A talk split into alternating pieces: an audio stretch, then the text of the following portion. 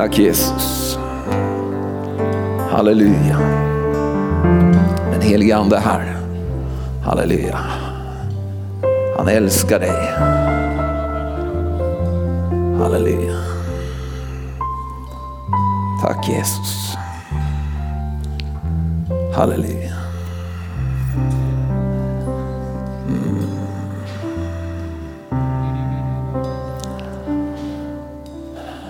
Tack ska ni ha lovsångare. Underbart. Ska vi ge dem en applåd? Halleluja. Vi är så stolta av våra lovsångare här i församlingen. Och jag måste också säga att jag är stolt av Helena också. Ska vi ge henne en applåd? Halleluja. Vilken, vilken tros predikan vi fick här. Amen.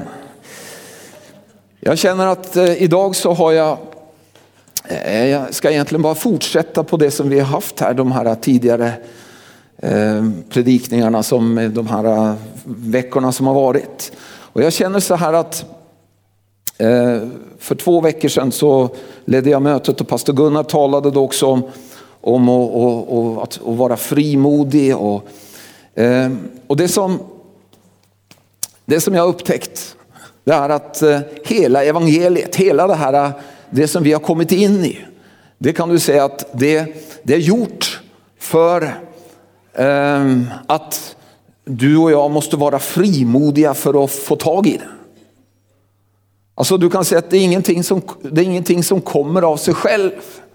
Alltså som du kan tänka dig att du, du sätter dig ner och så bara kommer det. Det som, det som Gud har gjort är att han, han har gjort oss till sina, till sina barn till sina söner och döttrar. Och han har gjort oss, han har gjort oss till arvingar. Och du kan säga att eh, och, och eh, för två veckor sedan så läste jag ifrån från Josua när han fick uppdraget att han, skulle, att han skulle föra Israels folket in i landet. Så fick han uppdrag att han skulle dela ut arvet till dem. Och, och för att för att kunna göra det så, så sa Gud till honom, du måste vara riktigt frimodig. Och så han sa det tre gånger efter varandra, liksom bara för att, har jag inte befallt dig, du måste vara riktigt frimodig. Men du kan säga att det, det Gud har gjort i det nya testamentet är ju att han har, han har lagt sin ande ned, han har lagt barnaskapets ande ned i våra liv som ropar Abba fader. Så han har, han, har gjort oss, han har gjort oss frimodiga genom att han har gett oss den här, alltså, han har gjort oss till sina barn och utifrån det så har han då, eftersom vi är barn, så har han lagt sin ande ned in i dig. Så när du blev född på nytt så blev du en ny skapelse, men du blev inte liksom bara vem som helst, du blev Guds barn. Alltså den, den där, den där, det som du blev då, det var att du fick söners rätt. Alltså, du kan säga att du fick, i gamla testamentet så var det, det var sönerna som, som hade rätt till att arva. Och därför så idag, om du är kvinna så fick, alltså du, du fick söners, du fick arvrätt. Du, alltså du kan säga att Gud han, han la det ned i dig och mig genom att han födde oss på nytt. Så idag så är vi Guds barn. Och kan du tänka dig att hela, hela frälsningen är lagt upp på det här sättet att, att du och jag som Guds barn ska gå till vår pappa och frimodigt be om det som du och jag behöver. Och vet du vad, vet du vad han, han, han har lagt ribban liksom. Jesus, Jesus demonstrerade när han gick här nere så, så demonstrerade han hur liksom en son ska göra. Det, när Jesus gick och vandrade här nere så var han, han var Guds son. Alltså han, han, han var människosonen, Guds son. Han var, han var bro, din bror. Alltså han, han, han, bara gjorde, han var ett exempel hur han vill att, att eh, du och jag ska vara.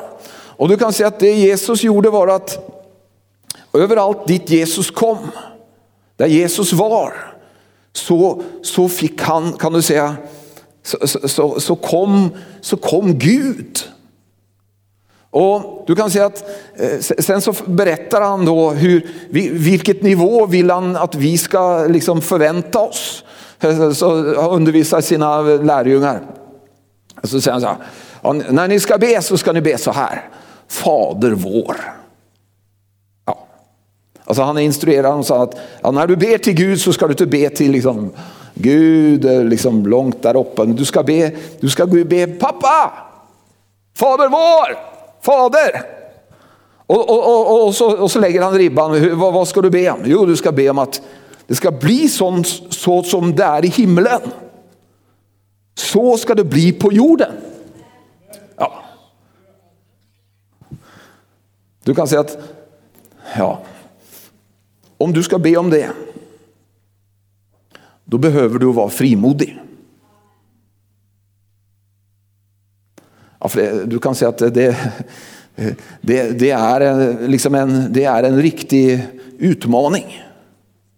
Men du, du förstår att eh, jag tror att hela evangeliet är lagt upp på det här sättet. Att, att Gud har tänkt, alltså det står i, i Saltaren, i Saltaren 2, ska vi ta och gå dit. Ett väldigt känt bibelvers, men vi, vi brukar inte läsa versen innan där. Saltaren 2. Ska vi se. Se om vi hittar fram här. 2 och 7. 2 och 8 är det som... 2 och 8 brukar vi läsa ofta. För där, här, här ser vi liksom Guds tanke. Alltså det, det Gud gör att han, han upprättar någon på jorden som, som ska begära saker från honom och så ska han ge det. Men i vers 7 så står det så här. Du är min son, jag har idag fött dig. Begär av mig så ska jag ge dig hedna folken till arvedel och hela jorden till egendom. Alltså man måste få tag i hela grejen. Vad är det Gud gör för någonting? Jo, han sänder sin son ner på jorden. Så placerar han honom där som människa.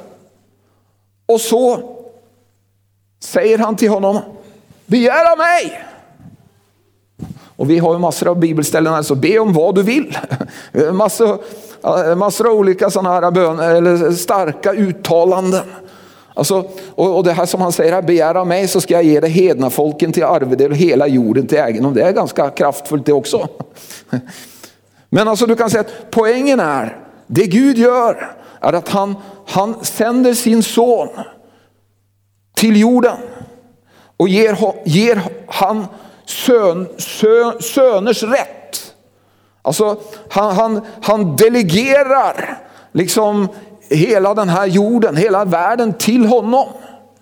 Och, så, och, och sen så säger han till dem, begär av mig. Alltså så du kan säga att det som jag vill försöka att få dig till att se här är att det står ju om att du och jag är arvinge. Du har fått med dig att vi är arvinge.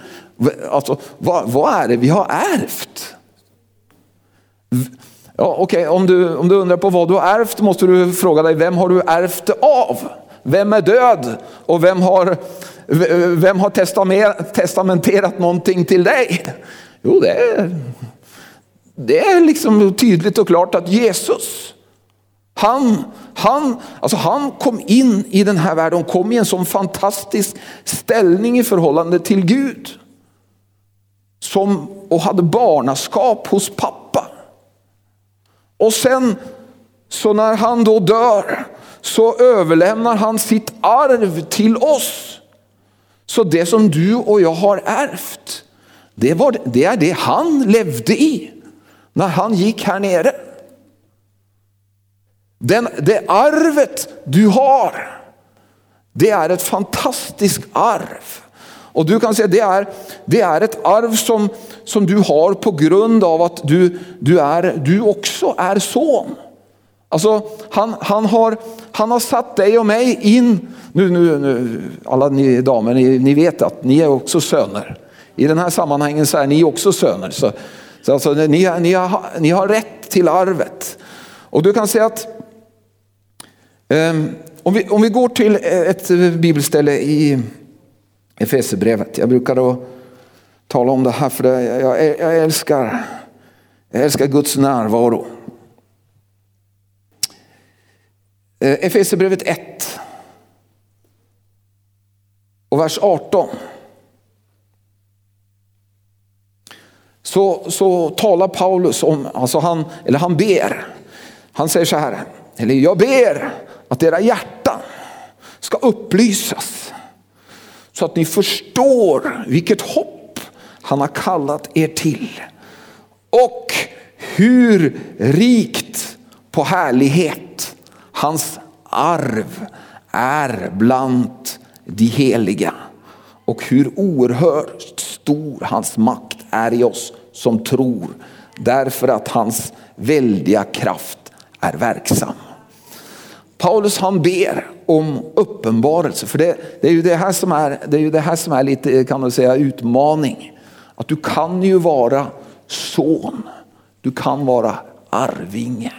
Du kan vara liksom eh, eh, allt det här. Men ändå inte njuta av det överhuvudtaget. För du ser det inte. Det står i Galaterbrevet 4 att, att det, Alltså så länge sonen är omyndig så är han eh, inte, det är ingen skillnad på honom och en slav. Alltså du kan säga att eh, eh, det som Gud önskar att du och jag ska bli myndiga. Alltså han önskar att du och jag ska bli medvetna. Alltså, och hur, hur blir man myndig i Guds rike? Jo, det är den helige ande som, be, som gör folk bemyndigade. Det står så här att den som drivs av Guds ande är Guds myndiga söner, står det egentligen på grundtexten här. Alltså det där handlar om de sönerna som är myndiga till att ärva. Eh, alltså, så du kan säga att där den, med hjälp av den helige ande så, så så blir du och jag myndiga. Du kan säga han, han målar upp för oss vilket arv som du och jag har fått del i. Och om vi tittar nu på, det, på den här eh, den här andra, alltså först var det hoppet, vilket hopp han har kallat oss. Ja, det handlar om att vi ska se vilken vision vad Gud har tänkt för oss.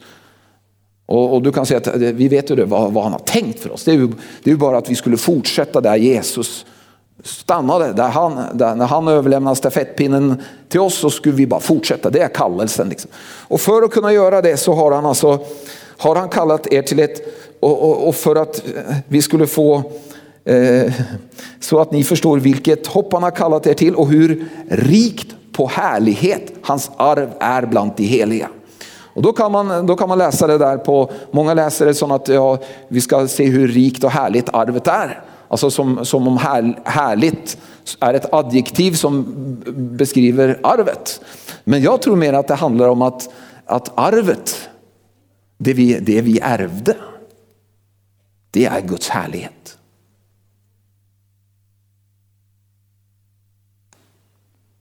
Hör du vad jag sa?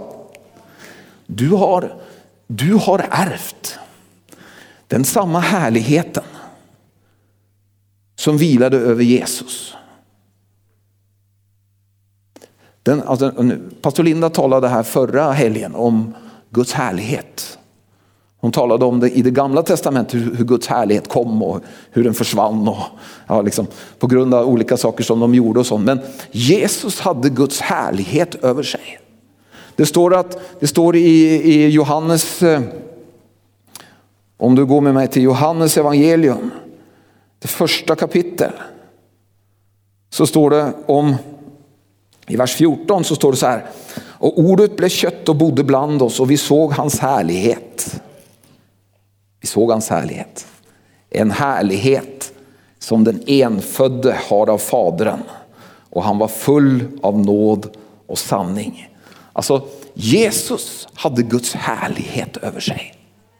Han blev född in i den här världen med ingenting. Och så kom Guds härlighet över honom. Och du förstår att vad är egentligen Guds härlighet? Jo, Guds härlighet det är himmel på jord. Det är det som, det är det som händer när Guds härlighet, vi, vi kände lite grann av härligheten här i mötet. Om ni märkte av det så var, alltså det finns, alltså Gud, Du förstår att Gud, det finns en dimension där Gud önskar att komma med sin här. Han, han öns, alltså Gud önskar att hans härlighet ska komma ner och manifestera sig här på jorden. Och då, du kan säga att, då, då vill jag ställa frågan så här, men hur har han tänkt att det ska ske? Hur har Gud tänkt att hans härlighet ska manifestera sig på jorden? Jo, det är det som är evangeliet. Han, upp, han upprättade ett folk. Han, han, han födde en son som igen gjorde att, att många barn, och det är, genom, det är genom att de upptäcker att de, att de har fått det samma arvet som Jesus hade över sitt liv. Vet du vad? Att du har, du har ärvt, alltså du har ärvt möjligheten till att dra ned himlen på jorden. Och, alltså vet, vet du varför det inte finns någon sjukdom i himlen? För, alltså du kan säga att när, när, när, när himlen kommer, alltså, det, det, alltså när Gud, det, alltså, i himlen så, så fyller Gud allt. Och det som händer när himlen kommer på jorden är, ner på jorden är att Gud fyller platsen. Så helande och allt det här liksom, som vi ofta är upptagna av att det måste ske, det sker ju liksom av sig själv. När himlen kommer så blir det sånt som det är i himlen, på jorden. Och du kan säga att, ja men vad med ekonomi då? Ja, plötsligt så kanske det börjar bli guld på gatorna där du går. Eller, ja, i varje fall, det blir, alltså du kan säga att him, alltså Guds härlighet och Guds närvaro kan påverka allt.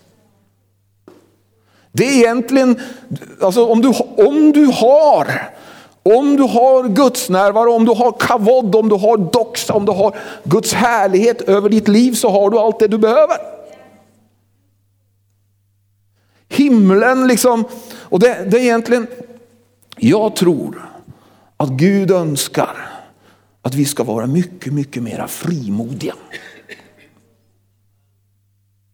Än vi är. Alltså han, han, har, han har gjort det här så att han har gett oss det som barn. Så att vi, och du kan säga, du vet barn, de, det, alltså det, det är ju liksom, alltså varför har han gjort det på det här sättet? Alltså att, som, varför har han gjort oss till söner och döttrar? Liksom så? Jo, förstå att det finns någonting som är speciellt med barn. Och, det är, och han säger ju det själv att om ni som är onda vet att ge era barn goda gåvor.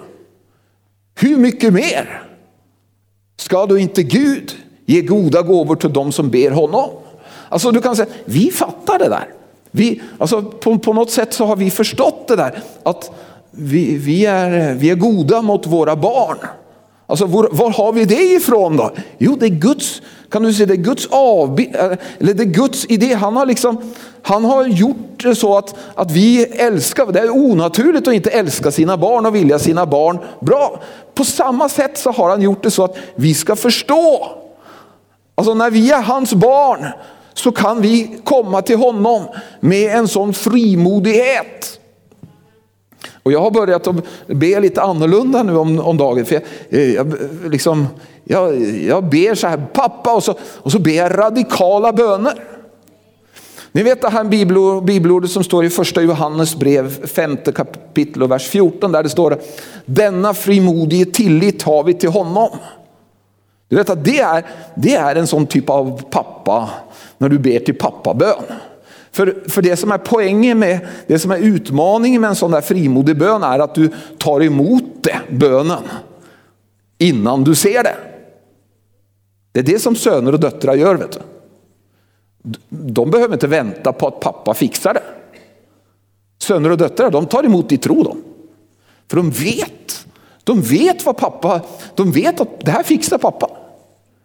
Och du kan se att det där att kliva över från att liksom ropa till Gud, Åh Gud hjälp mig, hjälp mig, hjälp mig, hjälp mig och så tro att tack Gud för att jag har fått det. Det, är, det behöver du ha tillit till Gud för. Du måste, du behöver, och var, var hittar man den till? Jo, det är i barnaskapet. Det är barnaskapet som du hittar den här tilliten. Du vet att barn är, de, de kan ju vara sån helt orimligt eh, Alltså helt oro, orimligt tillit. Alltså vi, vi, vi badade igår. Jag badade med mina barnbarn i bubbelpoolen hemma. Och han, ena killen han, han bara kastar sig. Liksom. Han räknar med att vi, att vi andra vi, vi, vi plockar upp honom. Liksom. Han kan ju inte simma, liksom. han bara kastar. Och, och, och min svärdotter hon berättade att ja, han, han, bara, när han kom tillbaka, liksom, så han bara kastar sig ut. Han, han litar på att eh, de, pappa eller mamma tar hand om honom bara. Liksom. Man kastar sig. Och så, du förstår att så är det med barn. Alltså, de har otrolig tillit. Det är det, det, det, det handlar om. Alltså, det är det som är grejen. Och så som Helena var inne på här också. Det vi, vi räknar med Gud. Och du kan säga att Gud önskar att du och jag ska, ska liksom börja be till Gud med en sån tillit. Alltså, om du tänker på vem, vem är det som ska se till att få stopp på det här coronaviruset? Jo, det är alla kristna som ber och de måste be frimodigt. Att det här ska bli slut på. Alltså, vi, alltså du, du kan alla sådana här, sån här eh, radikala böner som, som bara söner och döttrar ber. Vet du. Det är, inga, det är inga andra, det är ingen andra som kan liksom, ja, resonera sig fram till liksom, eh, ja, vi kan säkert be om det här, han, han vill säkert godta det. Alltså, söner och döttrar de, de, med barnaskapets ande, de, bry, de, har inte liksom, de, de bara kommer till pappa i tillit. Pappa, jag vet att du, du är mäktig, du är stor och jag ber dig att du ska göra det. Amen. Och så tror de att han hör bön. Varför då? Jo, för de, är, de, är, de har barnaskap. Alltså det är, en, det är en helt speciell sak där. Att, att Gud har gjort människor på den här jorden till Guds barn. Alltså han har, att, att han har satt in oss i den samma läge som Jesus hade.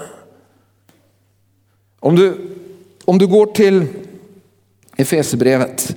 Ja, Efesierbrevet är ett brev jag gillar väldigt mycket och läser ofta. I, i Efesierbrevet till första kapitel så står det så i vers 5.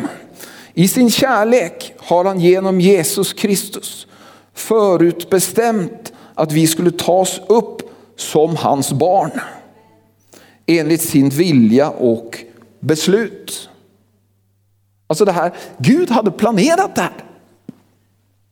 Gud hade planerat, det här var planen, det här var frälsningsplanen.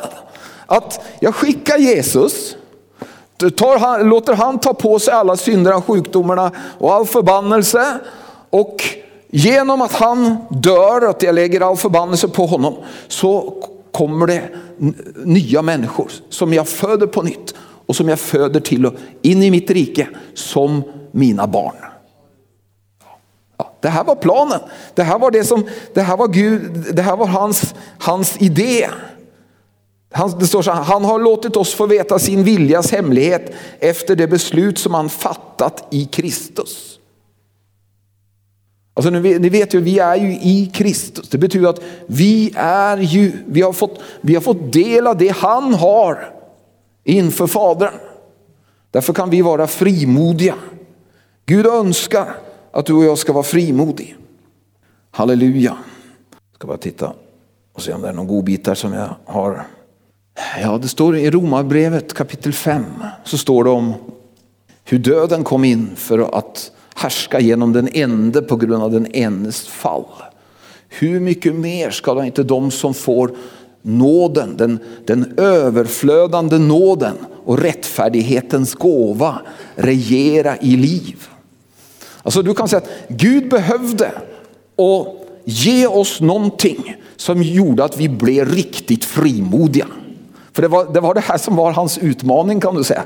Han, han, måste, han måste göra ett folk. Alltså efter, eftersom det funkade på det här sättet. Alltså eftersom det inte liksom var så att Gud tog över. Alltså han kunde ju liksom bara avslutat, nu avslutar vi nådens tid. Nu. Men han, han, han, det han gjorde var att han insatte ett folk som skulle vara riktigt frimodiga och skulle, få, eh, alltså skulle vara kanalen för att himlen skulle komma till jorden. Och då, då, då, då står det om eh, den överflödande nåden. Ja. Halleluja. Är det någon som är glad för den överflödande nåden? Jag tycker, jag tycker den här, för det här uttrycket finns flera ställen i, i Guds ord. Alltså, man pratar om överflöd, alltså jag, ser som, det liksom, jag ser framför mig att det, över, alltså vatten som flödar, det, det, det är allt för mycket. Liksom. Det flödar över. Och nåden, alltså jag brukar alltid översätta när det står nåd så brukar jag översätta med oförtjänad favör. Alltså den, det, det, här är någonting som vi har fått, alltså den överflödande oförtjänade favören. Alltså, du kan säga att det är det vi har kommit in i. Som, som Guds barn så har vi kommit in i den här, oförtjä, den här överflödande oförtjänade favören. Ja. Och så, vad har vi fått mera? Jo, vi har fått rättfärdighetens gåva. Och ni som har gått, eh, alla som har gått på bibelskolan har hört Gunnars undervisning om rättfärdighet. Ni vet vad det handlar om. Alltså vi har fått tilldelat rättfärdighet som en gåva. Vi har fått, vi har fått Jesu rättfärdighet och det är ju, du kan säga att rättfärdigheten, det är ju den som på något sätt sätter dig i ställning till att vara, kunna vara riktigt frimodig. Men du kan säga att det är, det är någonting som du har tagit emot genom Jesus. Vi har fått del av den rättfärdigheten. Så Guds syfte, alltså Guds tanke var att göra ett folk, göra söner och döttrar som skulle vara så frimodiga att de skulle komma till honom och be så frimodigt så himlen kommer ner på jorden. Ja. Halleluja. Så det, det är måttet som du och jag, eh, liksom, eh, som Gud vill att du och jag ska vara. Så frimodig vill han att vi ska vara. I, i andra Korinthierbrevet så, så står det just det här. I vers, eh, sjätte kapitel och vers 1 och 2.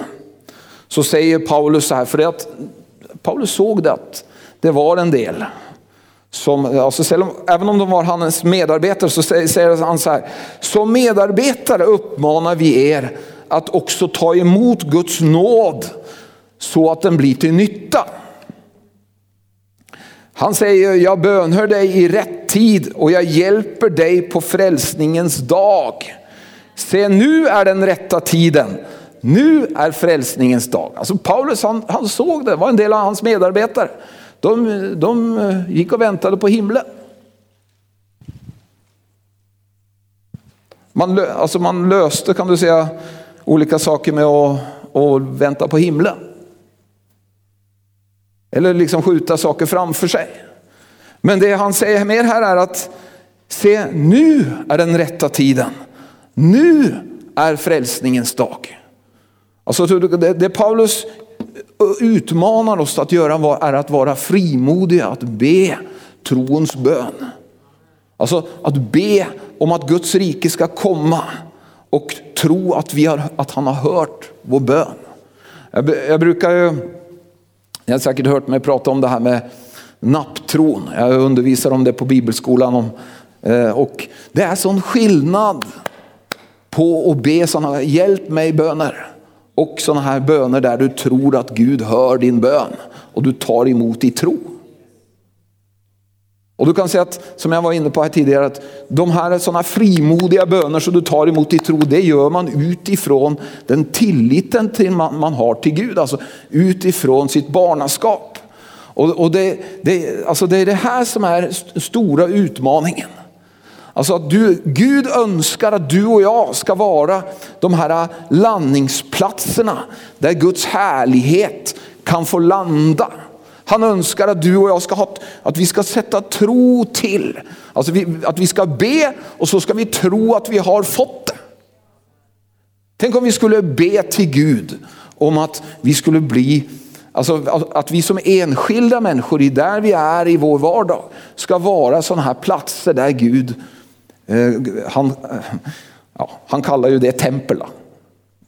Vet, där, där Gud bor eller där Gud manifesterar sig. Där I gamla testamentet så kallade man det tempel. Men det står ju att vi är ju hans tempel.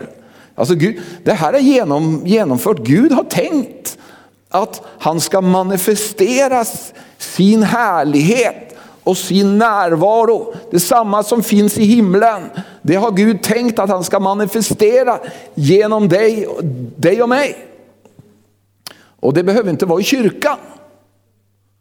Det är fint om härligheten kommer här också. När vi samlas så är det naturligt att Guds närvaro kommer. Men han önskar ju att, din, att den här härligheten ska vila över dig när du är på ditt arbete. Det, är inte, alltså, när Jesus, alltså det mesta du kan läsa om Jesus eh, var ju, alltså han gick ju i synagogen också, men, men det mesta du kan läsa om han var ju när han var ute bland folk. Och, hans, och Guds härlighet var ju över honom då. Alltså, så du kan säga att det är Guds, Guds härlighet och Guds närvaro har Gud tänkt ska vila över det. Och det här, det här är någonting som du alltså har, du har fått det som ett arv, det tillhör dig. Men det är det här, det är det här som är grejen med, med arv. Då. Alltså det, det är ju egentligen precis på samma sätt som det var när Israels folket fick det lovade landet. De stod utanför där och så Gud sa, jag har gett dig landet. Och så sa han, varje ort, varje ort er fot beträder har jag givit er. Och de stod där utanför landet. Och eh, den första generationen de, de trodde ju inte på det här så de fick ju sig en runda i 40 år där de gick. och De hade fått löfte, de var arvingar. Men på grund av att de inte klev in i landet så fick de inte erfara det. Det är massor av kristna som de har hört det här massor av gånger. Det är jag som berättar för dig nu att åh, himlen på jorden och halleluja. Men du kan säga att Gud önskar att du och jag ska kliva in i det.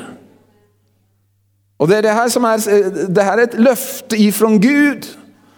Varje ort din fot beträder. Alltså varje del, lyssna nu, varje del av det här arvet som du har fått, som du kliver in i och gör anspråk på, sätter dina fötter på. Det tillhör dig. Det ska du få erfara. Det är, därför, det är därför kan du säga att det är därför Gud har liksom lite, därför är det viktigt för honom att putta, putta på folk liksom. Alltså, för om du, om du stannar utanför landet och tittar på det, så, det kan vara, alltså, det kan vara väldigt, det är väldigt fint att ha lite, ett löfte liksom, och, eh, att du har ett fantastiskt land. Och liksom, men efter ett tag så blir det väldigt tråkigt. Alltså, jag, jag unnar ingen att stå där utanför landet och liksom ha, de kan läsa hela testamentet. Oh, det är fantastiskt. Men du måste ju in i landet. Och det enda sättet man kan komma in i landet på, det är att ta stegen ut. Och det var ju det här som var utmaningen för, för Josua. Det var därför han var tvungen att vara så frimodig. För att jättarna fanns ju fortfarande i landet. Det hade ju inte varit något problem om Gud hade flyttat jättarna. Då kunde han ju bara satt, gått in där och halleluja, liksom, det är så underbart. Men det som är grejen är att det här är någonting man gör, man gör det i tro. Man kliver ut i, det här, i, i att ta, ta tag i sitt arv genom tro. Halleluja. Och du kan säga att det är det här som är, och när Paulus säger så här att idag är frälsningens dag. Så betyder, alltså Utmaningen för sån här och att tro, det är ju att man tror att man har fått det. För det, du kan säga ofta så, ofta så man, man känner ju inte, jag, det känns inte som jag fått det. Eller jag ser ju ingen tecken på att jag har fått det. Alltså det finns ingenting annat att läsa ut än, ja men, men vem är du då och vem är det du ber till? Jo, jag ber till pappa. Ja, tror du han hör dig då? Ja. Ja, men har du fått det då? Ja. Alltså du kan säga att du, du måste, den här frimodigheten, den här frimodigheten kommer när, när, du, när du låter den helige ande få måla upp för dig. Det står ju det att, att den helige ande vittnar med din ande att du är Guds barn. Så, så den helige ande säger, du är Guds barn. Du är arvinge. Så, så, så, så, han håller hela tiden försöker att få liksom dig till att resa dig upp. Kom igen nu, du, du är arvinge. Det, det är du som kan förändra, det är du som kan förändra, det är du som kan göra skillnad. Kom igen nu, kom igen, res dig, res dig upp i det du har. Du vet, jag tycker det, det, det är så trist att läsa Lukas 15. Alltså Lukas 15, ni vet om den bortkomne sonen och den hemmavarande sonen. Det är så tråkigt att läsa om dem, båda två egentligen. För eh, jag upptäckte det när jag höll på att titta lite på den. Vet du vad? Den här eh, bortkomne sonen, han, han, han som levde bland grisarna, han, han hade tagit arvet och gått sin väg och, och så hade han börjat att tänka på pappa. Ja. Men vad tänkte han på? Jo, han tänkte på hur tjänarna har det hemma hos pappa. De får ju mat. Och den här hemmavarande sonen, vad tänkte han på? Han tänkte som en tjänare. Han, alltså, han gick och väntade på någonting skulle hända. Det, någon gång händer det någonting. Någon gång kommer pappa till att komma till mig och så säger han, nu kan du ha fest för dina vänner. Men han, han, han var full, alltså, han var blind, han förstod ingenting. Och den här sonen som gick bort, eller bort hemifrån, han tänkte sig heller inte någonting att han kunde bli son. För det, du förstår, det är det, det, är det som var skillnaden, äh, är skillnaden. Att du, kan vara, du kan vara tjänare. Och en tjänare han, han bara gör det som han får besked om. Bara gå, gör så och gör så. Men en son, han är ju arvinge. Och i det här tillfället så hade han, den hemmavarande sonen hade redan ärvt hela gården. Han ärvde ju tillsammans samtidigt när den där andra sonen gick hemifrån. Men ändå så levde han där med pappa och väntade på att pappa skulle komma. Och ordna så att han kunde ha fest för sina vänner. Och så säger ju pappan, när, när pappan upptäcker det här så liksom, så, så Alltså jag, jag sätter mig in i pappans situation där. Liksom, tänk vilken... Alltså att, att, att, den här sonen kunde tänka så. Att han kunde, liksom, att han kunde tänka så. Liksom, hade jag gått och tjänat dig och du har inte ens gett mig något att ha, så att jag kan ha fest med mina vänner. Kan du, hur kan du tänka så? Jag har ju, jag har ju, du, har ju, du är arvinge. Du har ju fått arvet. Du har ju Samtidigt som den andra sonen, eh, han, din bror åkte härifrån, så fick du alltihopa. Hur kan du tänka så att inte jag vill att du ska ha någonting? Och så säger han så här, min son, du är alltid hos mig. Allt mitt är ditt. Hur kan du tänka så? Alltså, du kan säga, djävulen han vill försöka få dig till att bli religiös. Ja. Eh, vet du vad en religiös människa säger? Han säger så här, om Gud vill. Ja. Ett, ett barn säger inte om Gud vill. Han vet vad pappa vill. Ja. Så du kan säga att vi, vi, måste, vi måste låta den helige ande få uppliva oss så att vi blir så riktigt frimodiga.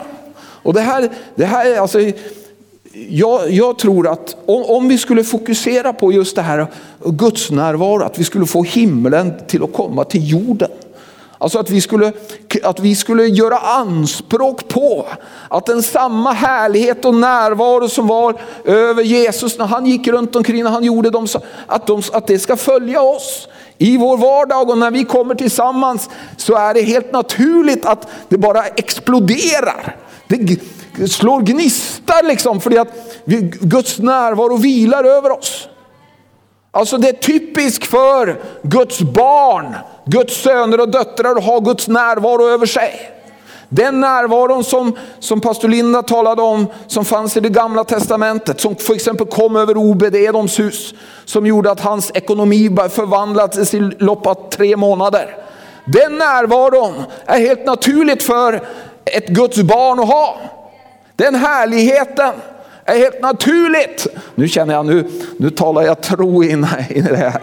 Ja, det är helt naturligt. Det är liksom så det ska vara för dig och mig. Vi behöver inte liksom, det, det, det, det är inget speciellt. Men Gud vill att du och jag ska kliva ut i det. Vi ska förvänta oss, när man, när man kliver in i landet så, ja, det kan, man kan göra det på olika sätt. Jag, har ju, jag undervisar på bibelskolan om tro, praktisk tro. Då har jag, eh, jag har ju lärt mig mycket genom att jag har bett, bett för fint väder. Och du kan säga att jag har lärt mig jättemycket genom det, hur tro fungerar. Och eh, det jag har, det jag har lärt mig, det är ju att det, det är någonting speciellt med tro. Det är att tron alltid handlar. Alltså tron tar alltid konsekvenser. Alltså, annars så är det, alltså är det ingen död tro, eller så är det ingen tro, då är den död. Och eh, jag har ju fått eh, elever som har ritat olika ritningar av mig med paraply och, och du kan säga att eh, det som många gör är ju att de, de har en plan B då. Om det inte funkar så, så gör vi det så här istället.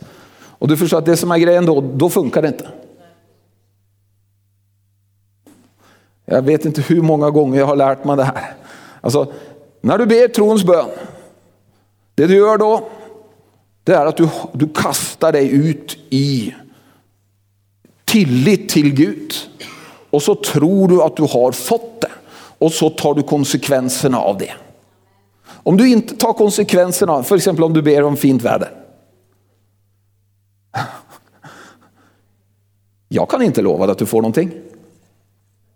Och, eh, alltså det som hände mig var, det som hände mig var eh, och jag brukar, brukar ta det väldigt konkret för det var, det var alltså jag, jag fick mig en sån eh, liksom, lärpeng heter det på norska, alltså en sån läresituation. Och det var att jag, jag skulle lägga om, eller jag skulle inte lägga om tak, jag skulle lägga på ett tak på ett hus, ja, en villa.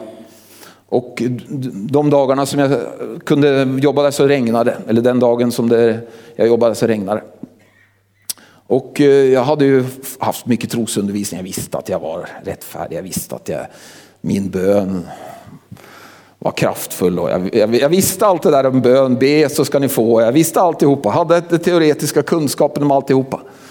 Så när jag var nere och, ba, och åt lunch så tänkte jag, men det är lite jobbigt att jobba uppe på taket med full regnutrustning. Och det, det blev lite, lite så halt där, så det var lite, så jag tänkte att nej, nu ber jag. Så jag, käre Gud, jag ber nu här. Här är en rättfärdig man som ber och jag ber konkret att det ska sluta regna. I Jesu namn.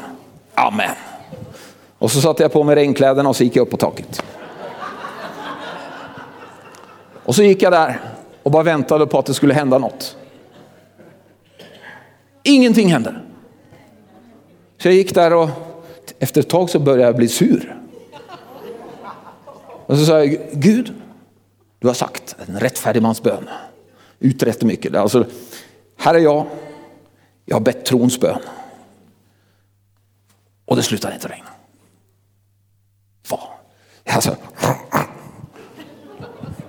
Och så hör, alltså, så hör den stilla rösten av den heliga ande som frågar mig. Torbjörn, varför har du på dig regnkläder? Och så förstod jag. Alltså det var som han bara han satte fingern precis på det. Åh, oh, det är så där. Okej. Okay.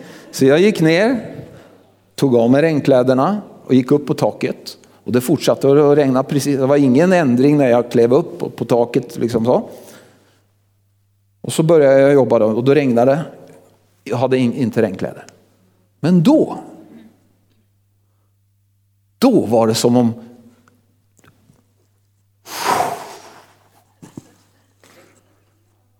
Då kom en blå ring över huset där jag stod. Alltså det, det, här är inte, det här är real thing. Och den blå ringen blev större och större så den välsignade alla runt omkring. Så det blev, blev fint väder. Och jag har lärt mig att det är så det funkar. Och så har jag tänkt så här. För djävulen vill ju komma och säga så här, du, du har inte tro nog. Det, det är liksom den typiska, liksom, så, ja, men jag hade inte någon mera tro. Jag hade inte hört någon undervis, bibelundervisning. Eller, det är klart den heliga ande hade viskat till mig, det hade han gjort. Men, men jag hade den precis den samma tron innan som efter. Men det som var skillnad, det var att jag hade istället för bara ha haft en teoretisk tillnärmning till tro, så, så aktiverade jag tron genom att handla på den. Alltså jag, jag låt min, min, min tro samverka med min handling. Precis som Abraham gjorde. Vet du. Han, han trodde och han handlade och tron sam, gärningarna samverkade med tron. Och det blev ett mirakel. Och sen så har jag lärt mig det att, alltså jag vet inte hur många gånger jag har gjort det här. Det är så det funkar. Alltså, du kan säga att, för exempel man kan göra så här. Käre Gud, låt det bli fint väder så jag kan gå ut och sola idag. Och så sitter man inne och väntar, tittar ut. Blir inte snart fint väder? Det du måste göra då, du måste klä av dig och gå ut och lägga dig i solen.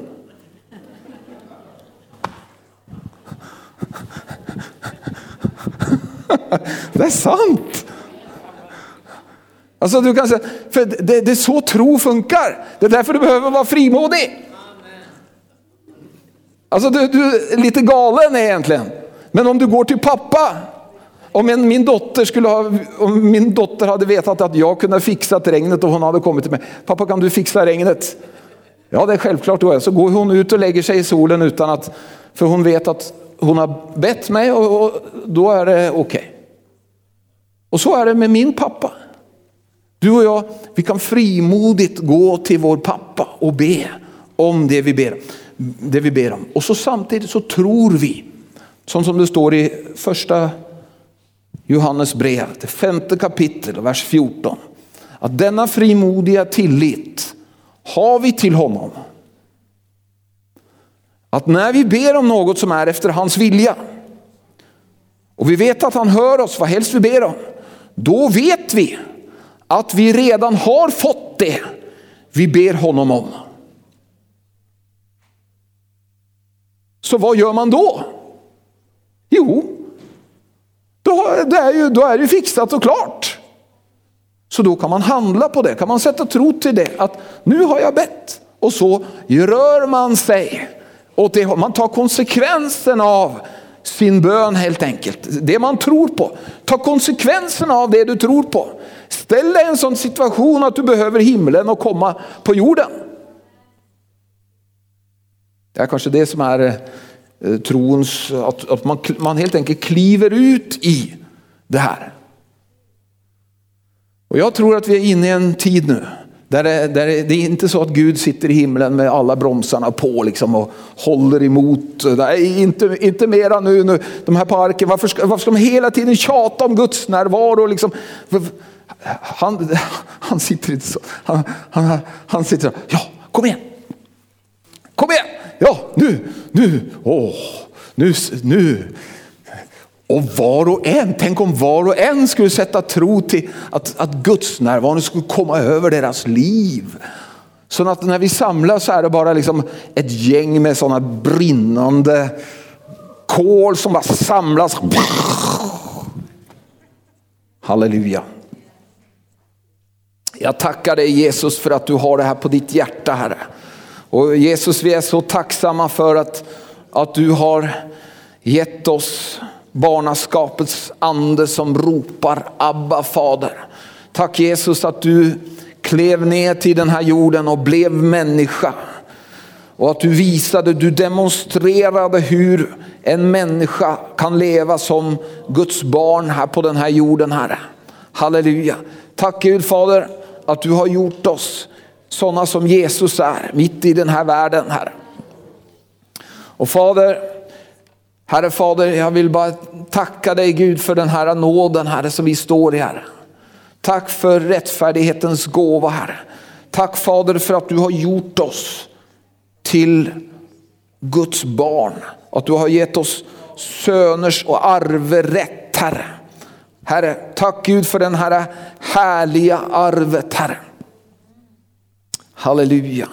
Och Fader, Herre jag ber för var och en av dem som har hört den här budskapet idag Herre.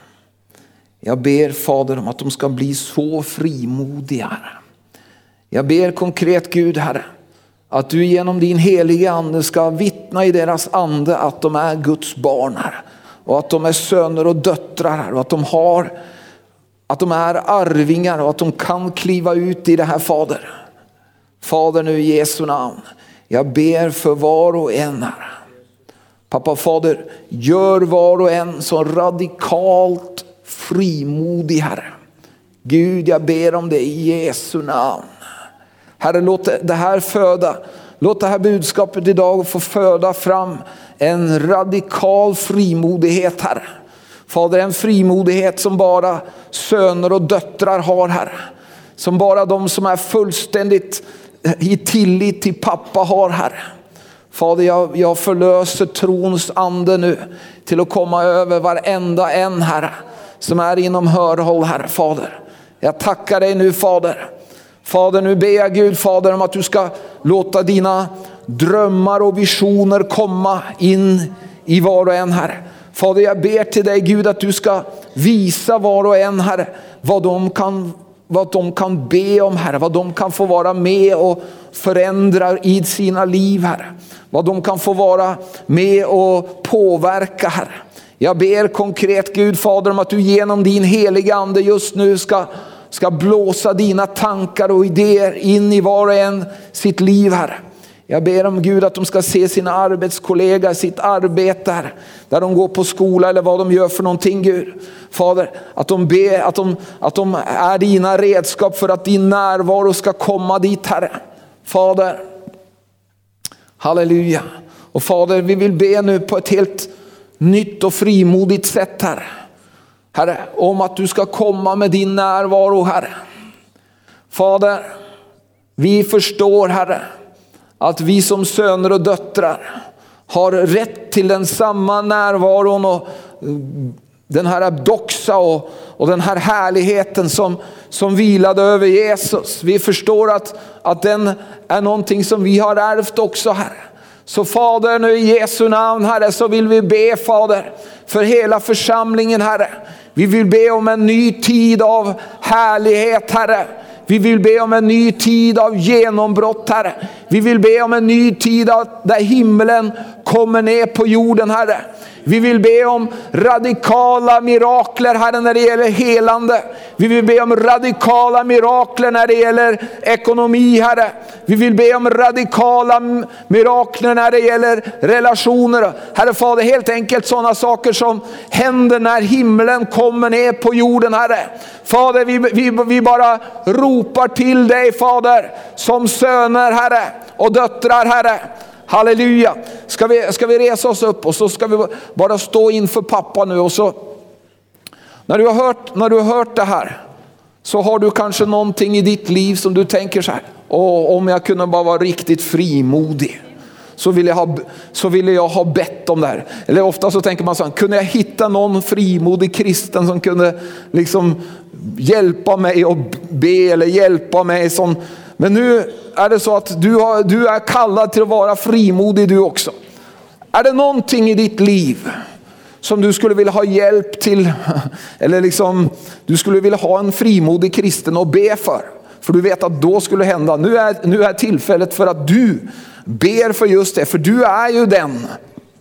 Halleluja, ska vi, ska vi, nu blir det olika saker vi ber för allihopa. Men nu bara står vi inför Guds ansikte. Fader, vi står inför ditt ansikte nu Gud Fader. Och Fader, jag tackar dig Gud för hela den här salen med frimodiga söner och döttrar Herre Fader. Fader, jag tackar dig för barnaskapets ande som ropar Abba Fader Herre. Vi vill be till dig nu Gud Fader om Och så lyfter du upp din grej. Du lyfter upp precis det som du skulle vilja ha i ditt liv.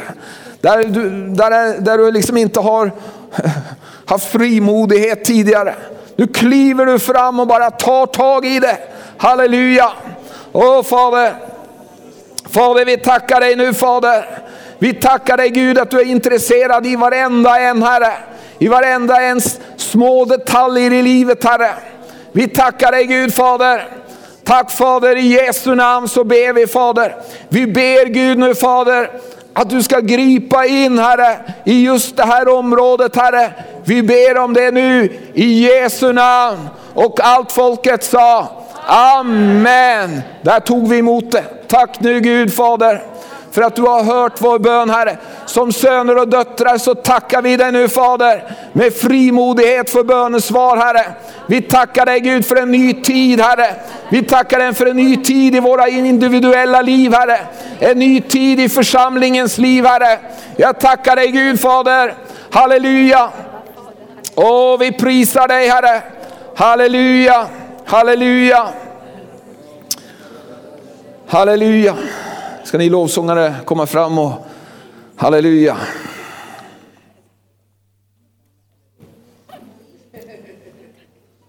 Jag hoppas att, att det är så här nu, att du känner så här. Ja, men om, det, om det skulle vara som du säger Torbjörn, då kan du ju be om ja, vad som helst. Det är, precis, det är precis det som Gud önskar, det är precis så han önskar att du ska tänka. Han önskar att liksom locka dig ut ifrån din begränsning. Att du kliver in i, i det här som Gud verkligen, så som Gud har tänkt. Och alltså av och till så, så behöver vi alltså skaka om lite. Alltså behöver torka stoftet av dig. Och liksom, nej men nu, nu får det vara nog här. Jag, jag, är, jag är son, ja, min pappa han äger den här jorden, himlen och jorden. Vet du bara ett bibelord, bara helt på slutet här. Det står så här i eh, Romarbrevet, fjärde kapitel och vers 13. Så står det så här.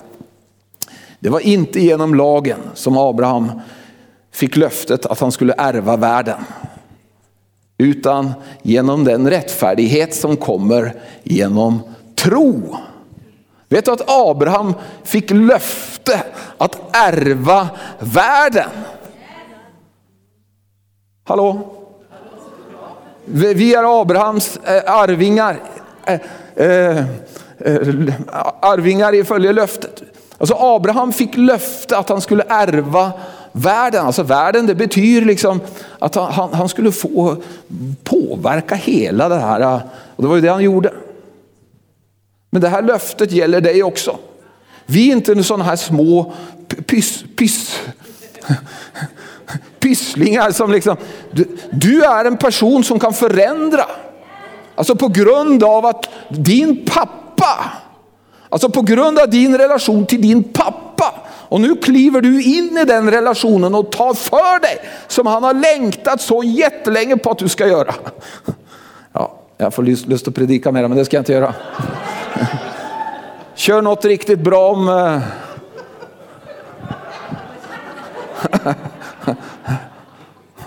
Halleluja. Halleluja.